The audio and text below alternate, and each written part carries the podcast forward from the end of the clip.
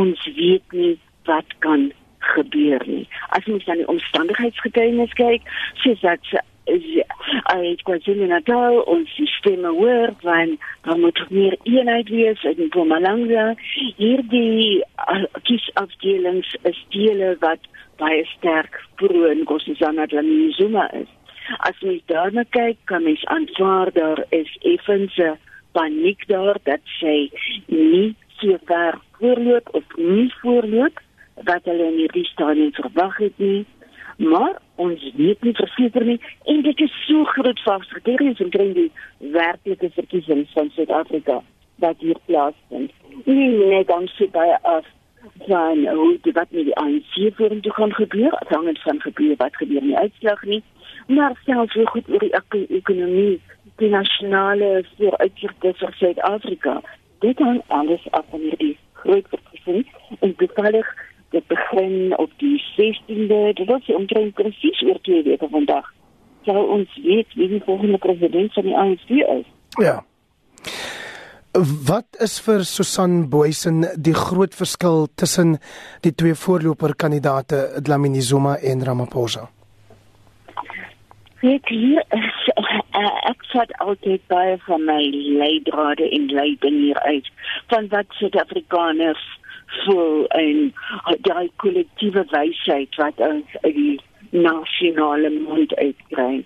En daar is daar baie groot ooreenstemming tussen wat ons daar hoor en wat ons uit die media uit openbare debatte hoor. En dit is dat daar eenvoudig nie vertroue is in Cyril Ramaphosa dat hy bereid is om nou die breek te maak.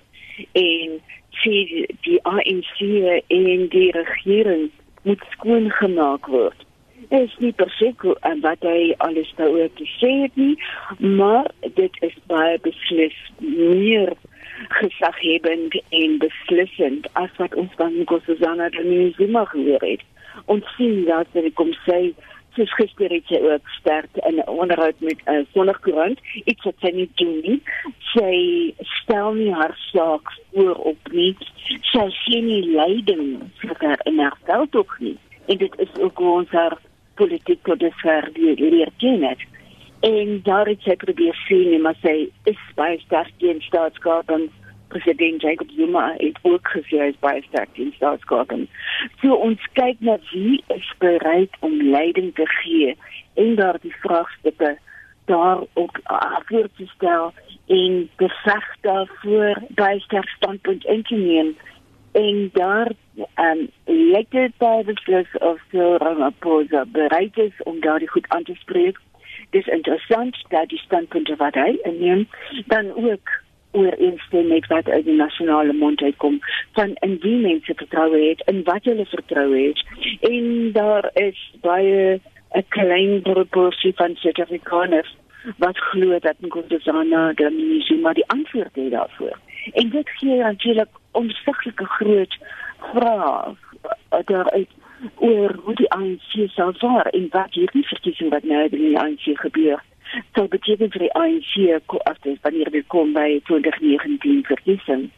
As ons na openbare mening kyk en daar's baie party gesag hebben 'n meningspeiling vir gedoen is dan is daar nie die nodige vertroue in Nkosazana Zuma om die ANC verkiesing kan kan laat wen maar daarom genoeg om haar die Mpumalanga nominasie te laat wen as jy dit vergelyk met die 117 stemme of nominasies wat Ramaphosa daar gekry het en haar 123 maar in die provinsie is daar ook die sogenaamde eenheidsverskynsel jy het vlugter daarna verwys vroeër ja. en die het 223 nominasies gekry wat maak dat premier David Mabuza sê nou kan jy mos sien dat ons hier in Mpumalanga sal uiteindelik die bepalende faktor wees oor wie die nuwe leier van die ANC word weet die eenheidsfaktor en dan kameraad eenheid wat hier staan op dink mens met baie sinies en baie versigtig daarna kyk. En dis nie deur eenheid op 'n benoemingspresidentstem is die manier wat eenheid bewerkstellig word nie. Een enigste manier wat eenheid moontlik by die konferensie bewerkstellig kan word is deur onderhandelings van die konferensie vloer af en ons weet reeds dat die debat baie sterk loop dat mense binne die ANC besef dat hy as die ANC nog 'n keer split ernstig split dan kan hulle eenvoudig nie 'n volgende verkiesing wen nie. Vorige keer wat die ANC hierdie veldtogte en sterk um, antagonistiese veldtogte gevoer het by hulle konferensies so al by Polokwane en 'n mate by Mangaung, het hulle nou tog daar die veiligheidsbever gehad dat hulle kon split dat hulle bietjie daarmee kon dobbel en weet hulle gaan nog genoeg na buffer om die volgende verkiesing te wen. Hierdie keer is dit nie meer so nie. En hierdie keer sit die ANC ook onder 'n massiewe dilemma. Is dit tipe van 'n agtergrond miskien eerder as 'n dilemma? Dat hulle as hulle daardie eenheid behou, dan moet hulle kompromieë aangaan tussen die wat ernstig is teen korrupsie en staatskaping en die wat ernstige voorstanders en praktisyne daarvan is.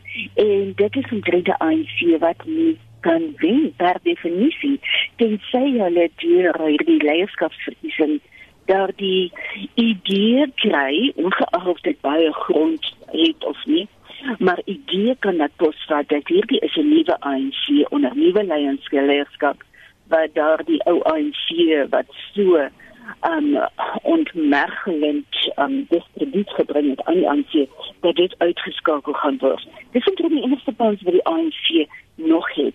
So die eenheids um, die kaartjie wat hierin uitkom, moet jy baie versigtig aan kyk natuurlik as daar 'n groot getal afgevaardig is dan wat na die konferensie toe sou gaan wat mense eenvoudig weet hoe hulle veronderstel is om te stem nie of hulle dat er wel werkelijk daar die opdracht gegeven het en of hulle onder dwang van die Mabuza, die provinciale leier, met zijn hoge politieke ambities, nooit gedwongen dit moest neerschrijven. Nie. En als daar so groot blok is, waarvan je ziet weet of meer hoe hulle staan nie, dit ook makliker wees om daardie um, daardie stemmery uh, korrupsiefaktor daarin te kry as jy nie weet hoe daardie mense eintlik van stel is om te stem nie. So mens moet baie versigtig daarna kyk.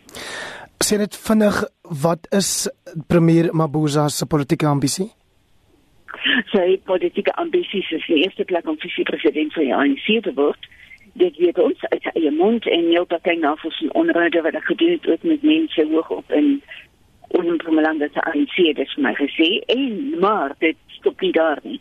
En is daar die met hy vir Gosana Ganini dis immer gesê hy wil haar nie meer ondersteun nie. Dis waar hy begin het omdat hy bang was dat sy hom by Lutulia House en sy hoofkwartier in Johannesburg sou los in die, in die nasionale regering se inneem en dit is waar hy baie meer strategies begin speel het want hy probeer niks vir die visie presidentskap van die ANC en dan van die land. En dit is natuurlik 'n baie groot tekortkoming in ons huidige veldtogte. Ons het nie 'n oog sterk genoeg op wie die visie president gaan word van die ANC nie. Want sies ons weet, hierdie persoon word nie outomaties die volgende kandidaat vir die ANC presidentskap nie, maar sy kandidaat het 'n baie sterk voorstand en dat hoe ander hoe ander kandidate en so dit is waar hier die subtiele uh, veld tog vir ons volgende president oor 5 jaar of oor 10 jaar waarskynlik nou hier onder ons so afspeel en ja. daar word nie genoeg aandag daaraan gegee nie So dit is opvallend as jy praat van 'n adjunk president professor Boysen dat adjunk president Ramaphosa se voorkeur verkiesingsmaat soos minister Naledi Pandor wat hy as sy adjunk voorstel nie werklik impak maak lyk dit my wat die nominasies aanbetref nie. Kortliks. Ja, dit dit dit is baie interessant. Sê is so ver nie op die stembrief nie. Van op die stembrief te wees moet jy die meerderheid uit ten minste een van die provinsies hê ek sê is nie daarop nie. Um, en Kenya Dami Lendiwe Sicily en Didi Mabuza is die twee mense wat so ver meerderhede uit sekere van die provinsies het. Um, en dus op daar die stembrief is die vice-presidentskap sal wees. En ek dink ons het nie volgende twee weke baie baie sterker aandag nodig aan wie moet die beste kandidaat daar sou wees Jy het vroeër gehoor in die bydraes wat ons gespeel het dat Sisle Zigalala van die ANC in KwaZulu-Natal sê asseblief fokus op beleid nie net op watter kandidaat die nuwe leier gaan word nie. Is dit wensdenkery aan sy kant? Um uh dis dit skryf so ons het er is uit verlede uit dat die ANC mense baie afgewaardig is na konferensie toe gaan om te gaan stem en daarna hulle uh, belangstelling. En maar ons weet as ons sien dan meer Zikalala luister hy is beslis in die Dlamini Zuma kamp en daardie kamp probeer voorgee en Siglese Kalala speel daar gehad baie gesofistikeerd en hy probeer voorgee dat hulle onbeleid gaan die radikale ekonomiese transformasie. Dit wat die ANC en daardie Dlamini Zuma faksie radikale ekonomiese transformasie noem, is al baie baie baie jare op die ANC se beleidsagenda. En in hierdie geval gebruik hulle dit baie sterk om te probeer voorgee dat Dlamini Zuma 'n kandidaat is met idees en nou groot ontwikkelinge en wat sê die mense wat kwaad is binne die ANC is uh, ministers aan daarom kan sy sien maar die manier waarop hulle daar die gods speel is blote taktiek. Dit wat ons werklik as beleid sien in die ANC beleidskonferensie wat die legitieme instelling was in die van die jaar in Julie daar redeneerings uit uit gegee daar is nie daar die sterk beleidsidees wat in hierdie verkiesing wat ons nou sien belangrik is nie. Dit gaan oor hoe die staat bestuur moet word en hoe die ANC moontlik herstel kan word. 'n Een sin antwoord asseblief. Glo jy dat die konferensie sal voortgaan gegee die hofgedinge en ander onsekerheid? Dit daar is beslis 'n ernstige toewyding om daardie konferensie te laat begin. En ons weet die groot persentasie van afgevaardigdes is reeds het hulle 'n kapvergadering gehou. Hulle is reeds formeel afgevaardig dus. Afgevaardig, daar is 'n hele paar belangrike uitstaande geregtsgedinge. En as die mense verloor wat aan die kurs en trek hier daar die rechtsgedinge en dit kom hoofdzakelijk uit die Glamini Zuma kamp uit, dan zou hulle daar die conferentie nog kan laat in duie stort daar by die tweede of derde dag van so 'n uh, um, 'n konferensie. Nie net deur stoele gooi ry nie maar omdat hy daar geargumenteer sou kon word deur party maar wat is die gedoenheid van so verkiesing om voor te gaan en natuurlik dit gaan ontsettlik baie skade doen maar ja 'n konferensie wat nie aanvaar gaan word nie en wat ondermyn gaan word is in elk geval die die die uh, spreker in die ANC se kus as dit sou gebeur. So hier is soveel ongelooflike moeilike belangrike besluite wat hier volgende twee weke vir die ANC voorlê. Dit is altyd groot waardering vir jou insette professor Susan Boysen as 'n politieke ontleder by Wits Universiteit en ons sal beslis in die komende dae weer op haar nommer druk.